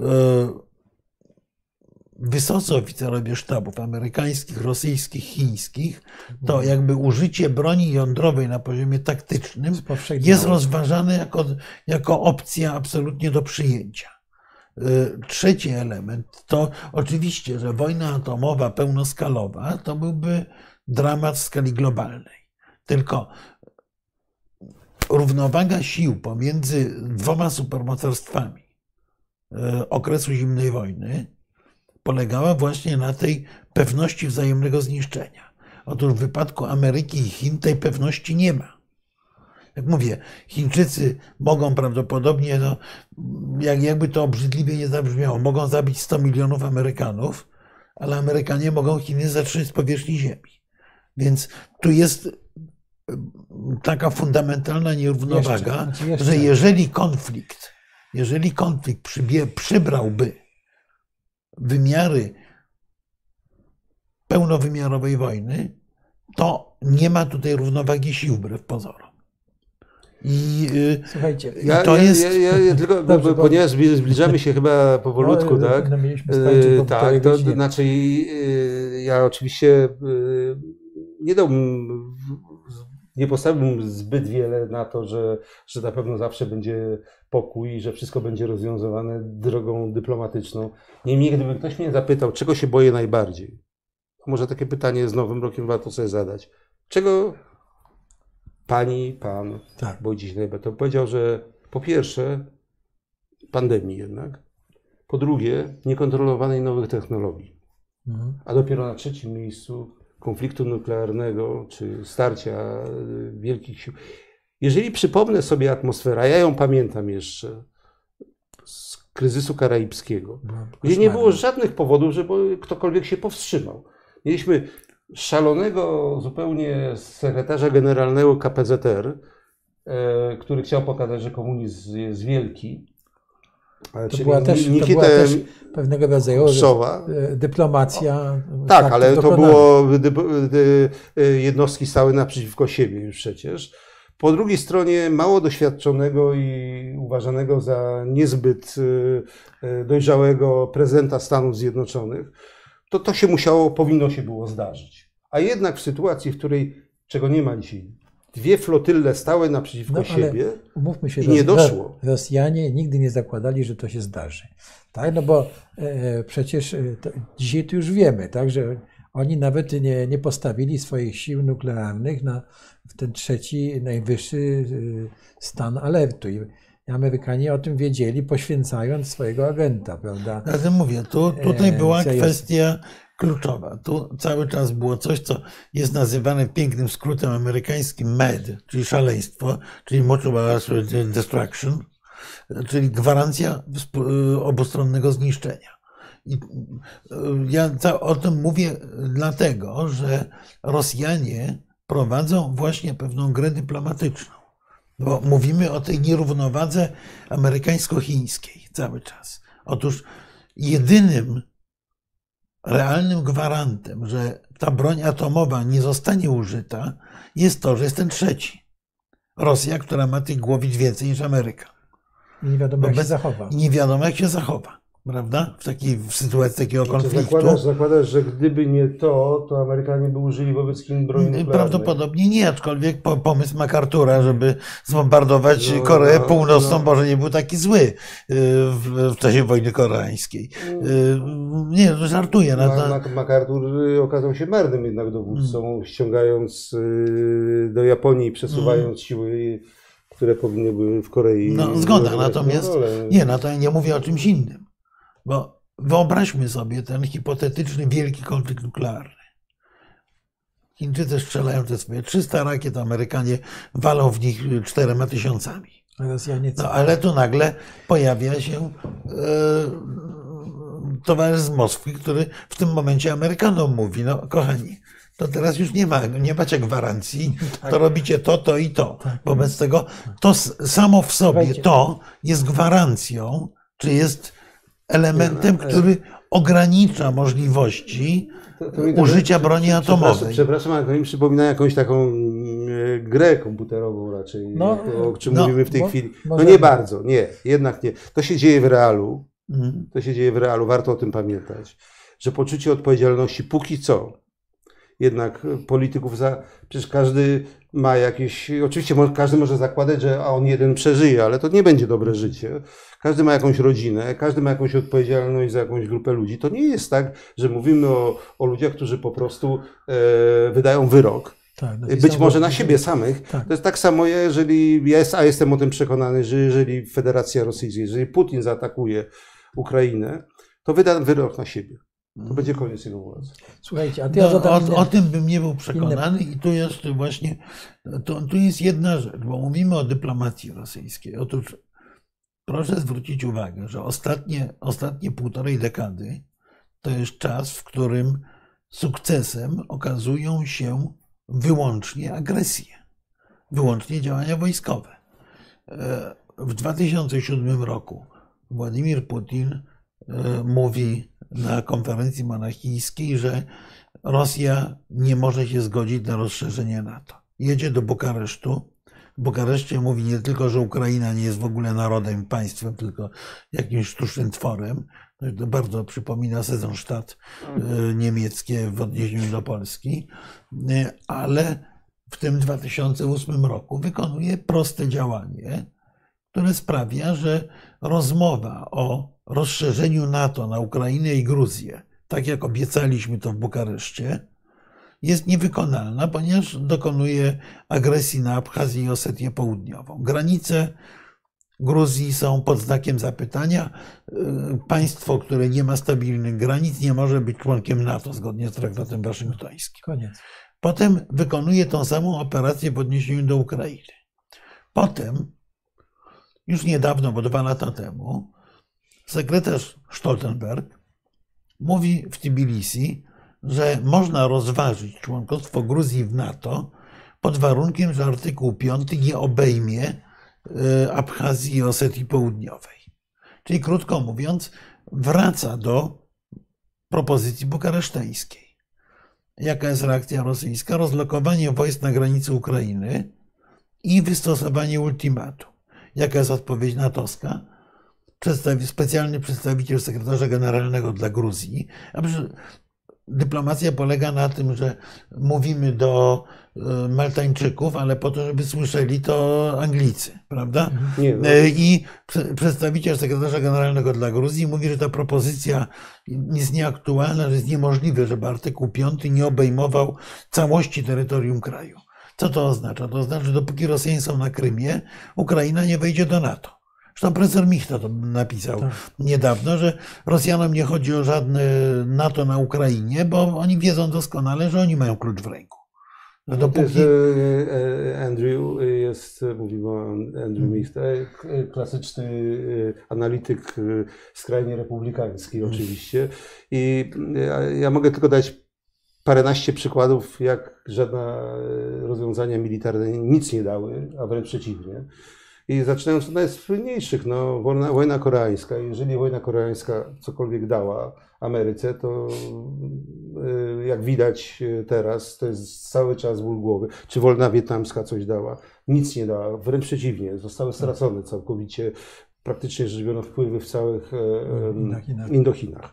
Y, I, I tak dalej, i tak dalej, można by mnożyć. No, Afganistan oczywiście y, wygodnie. Y, można, można no dobra, ale Rosjanom, nie, nie ma. ale Rosjanom sukces tak, przyniosła wojna z Gruzją, wojna z Ukrainą, wojna w Karabachu, wszystkie trzy, wojna w Syrii. Ale wszystkie te konflikty nie, były sukcesem. Nic nie dała, natomiast dały, co by się nie mówiło i taka jest prawdopodobnie pozytywna dynamika rozwoju sytuacji na Bliskim Wschodzie, że jednak yy, porozumienie Abrahama będzie jednak działać jakoś, że Arabia Saudyjska też dołączy do tego, mhm.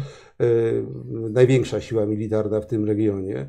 Yy, to, że, że oczywiście w Syrii nie ma powodzenia, to nie dlatego, że Rosjanie się zaangażowali, tylko że nie mamy metod, w gruncie rzeczy mówię o demokratycznym Zachodzie, w jaki sposób zmieniać e, rządy e, bezprawia czy autorytarne na model demokratyczny w krajach, które nie mają takiej tradycji. No, ale Rosjanie uratowali Asada, trudno ukryć. Ale mogliśmy sami go uratować też. To znaczy, mogliśmy zaproponować, był, był moment, w którym zasada, Asada można było skłonić przynajmniej do e, cofnięcia tak. się, ustąpienia. I były nawet takie sugestie ze strony członków rodziny Asada. Natomiast Zachód uważał wówczas, że, no, że pogrzebany już tak. jest. I tylko wystarczy popatrzeć, co się stało w Libii, co się działo, stało y, w innych krajach Afryki Północnej. No co się stało na Białorusi? To no ten, ten sam model. No więc właśnie, więc y, to, to, to nie jest tak. To znaczy, ja myślę, że, że przykład Gruzji akurat, y, czy, czy Ukrainy jest o tyle inny, że Rosja w dalszym ciągu uważa, że to jest ich terytorium po prostu. No, to jest terytorium nie, byłego Związku nie, Radzieckiego. Nie, Może Gruzji nie, nie, ale tam... Nie, nie, nawet Ukrainy nie. Y, polecam lekturę y, paru tekstów Timofieja Bardaczowa, którego ja uważam za jedną z gwiazd rosyjskiej, rosyjskiego myślenia o polityce. Bardaczow bardzo niedawno, parę dni temu ogłosił e, w, e, na stronach klubu wałdajskiego, czyli, czyli głównego zaplecza intelektualnego Putina w polityce tak, tak. zagranicznej, ogłosił tekst, że Rosja nie jest zainteresowana aneksją jakiejkolwiek Republiki Sowieckiej. No bardzo zgrabna, Natomiast, jak na zamówienie. Nie, ale on to pisze od, od, od pewnego czasu. Natomiast, natomiast Rosja jest zainteresowana pełną satelityzacją tych Ale 80 republik. prawie procent y, y, społeczeństwa obywateli rosyjskich uważa inaczej. Znaczy intelektualnie można oczywiście mnożyć. Jak ja bym miał pisać tekst dla y, żeby podeprzeć politykę Putina, to bym napisał z całą pewnością Rosja nie ma żadnych aspiracji wobec Ukrainy. Nie, Rosja ma aspiracje, ale nie ma interesu. Znaczy nie chce terytorium. Dokładniej. Chce mieć bufor zupełnie zależny od niej. No ale przepraszam, ale Krym wzięli, no. No, Krym wzięli. No, no to, to za chwileczkę. No dobrze, no ale Krym. Przepraszam bardzo. Nie, no, Krym wzięli. A, z bardzo, za... Nie, z bardzo prostego powodu. Krym zamyka sprawę rozmowy o rozszerzeniu NATO na Ukrainę.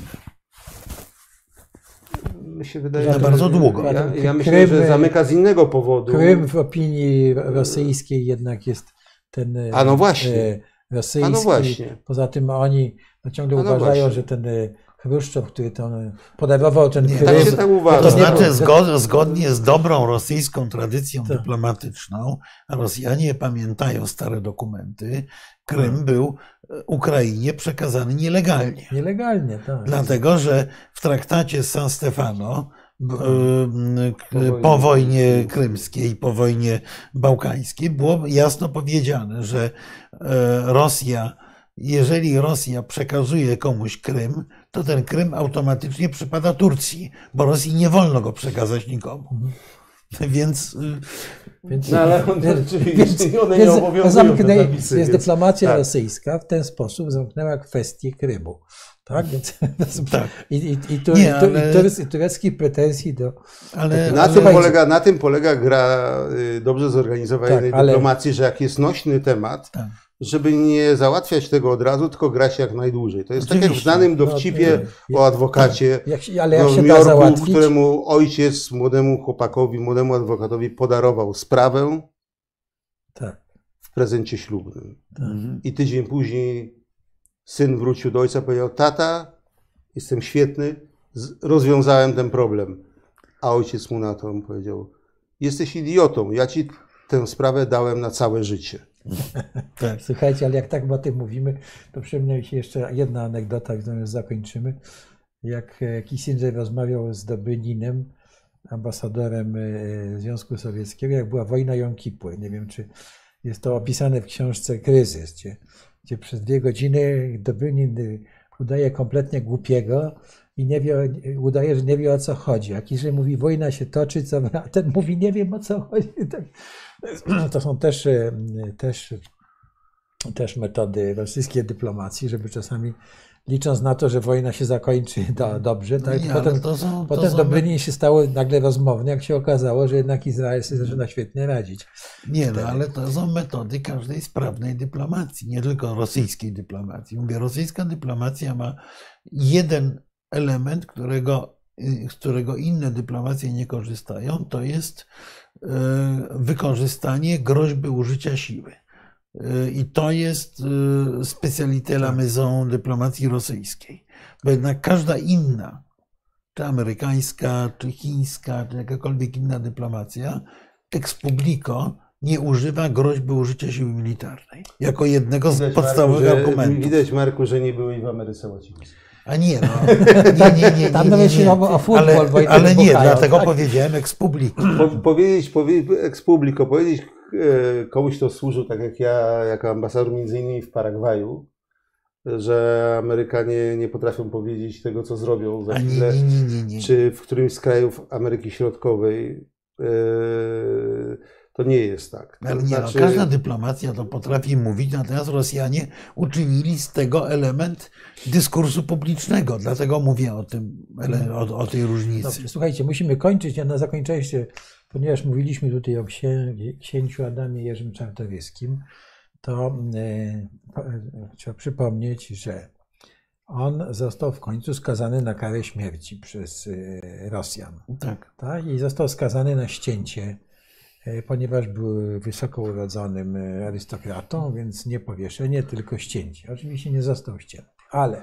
No bo wyjechał do Paryża i do, tak, do, do jak, jak wiemy, potem był bardzo aktywny. Ale y, jego ciało zostało sprowadzone do Polski, do Sieniawy. I tam ja byłem na tym grobie nie tak da, dawno i no, on nie jest w dobrym stanie. Tam jest taka krypta w kościele w Sieniawie. Ale słuchajcie, jak było dwustulecie yy, służby dyplomatycznej czy Ministerstwa Spraw Zagranicznych Rosji, o, tak. to Prymakow pojechał tam, złożył tam kwiaty tak. i jeszcze zostawił pieniądze na znaczy ambasada na renowację tej krypty. Tak. Oczywiście to było ileś lat temu, ale to mówię jako ciekawostkę. Ciekawostka ale i potwierdzającą profesjonalizm. Tak, nawet tak, profesjonalizm, czyli tak. nawet tego ściętego tak, wroga, tak. Dyplomacja Był ministrem wobec tak, tego. Był pierwszym ministrem i oni to hmm. pamiętają i po prostu to był ten gest. Y, no ale to jest, to jest też cecha profesjonalnej dyplomacji, ale dyplomacja rosyjska jest dyplomacją profesjonalną. Tak. Że e, dyplomacja profesjonalna ma pamięć instytucjonalną, tak. Zwróćmy uwagę, że nawet w najgorszych czasach bolszewickich dyplomacja sowiecka nie była całkowicie przeorana przez czystki. Stosunkowo najmniej ją te czystki dotknęły. Mhm. Nawet mniej niż wojsko. No początkowo taka była tradycja też yy, w powojennej dyplomacji w Polsce. Tak. Część arystokratów. Mhm. Jan Drochojewski. No, no, dużo ich było. Sporo Potocki. Było. Więcej, tak, więcej było, więcej którzy było. zapisali się, tak. że tak powiem. Do... Nie, no oczywiście, no poza tym. I mieli mundury też. Nie, mundury były przed wojną też. Przed wojną po nie było. Ja, przed wojną, nie, ale ja mówię po wojnie, po, po, po, po II wojnie światowej yy, przez jakiś Wiecie czas co, ale jeszcze Mówimy były... o II wojnie światowej, bo no właśnie, od któregoś, nie wiem, 53 czy czy szóstego roku ta dyplomacja troszkę rozkwitła nawet, można powiedzieć. No, musielibyśmy kiedyś o tym opogadać sobie, o planie Rapackiego i tak dalej. Właśnie co to było, czy to... Znaczy nie, no to... Nazywany później planem Gomułki z no małymi tak, tak, modyfikacjami, tak, tak, żeby... Nie, no to po, powiedzmy, ale... to, była, to była dyplomacja jednak ściśle satelicka, co nie znaczało, że nie było tam dobrze, dobrych i fachowych tak. kadr. Tak. Natomiast no, możliwości realnej, suwerennej decyzji były żadne tej dyplomacji.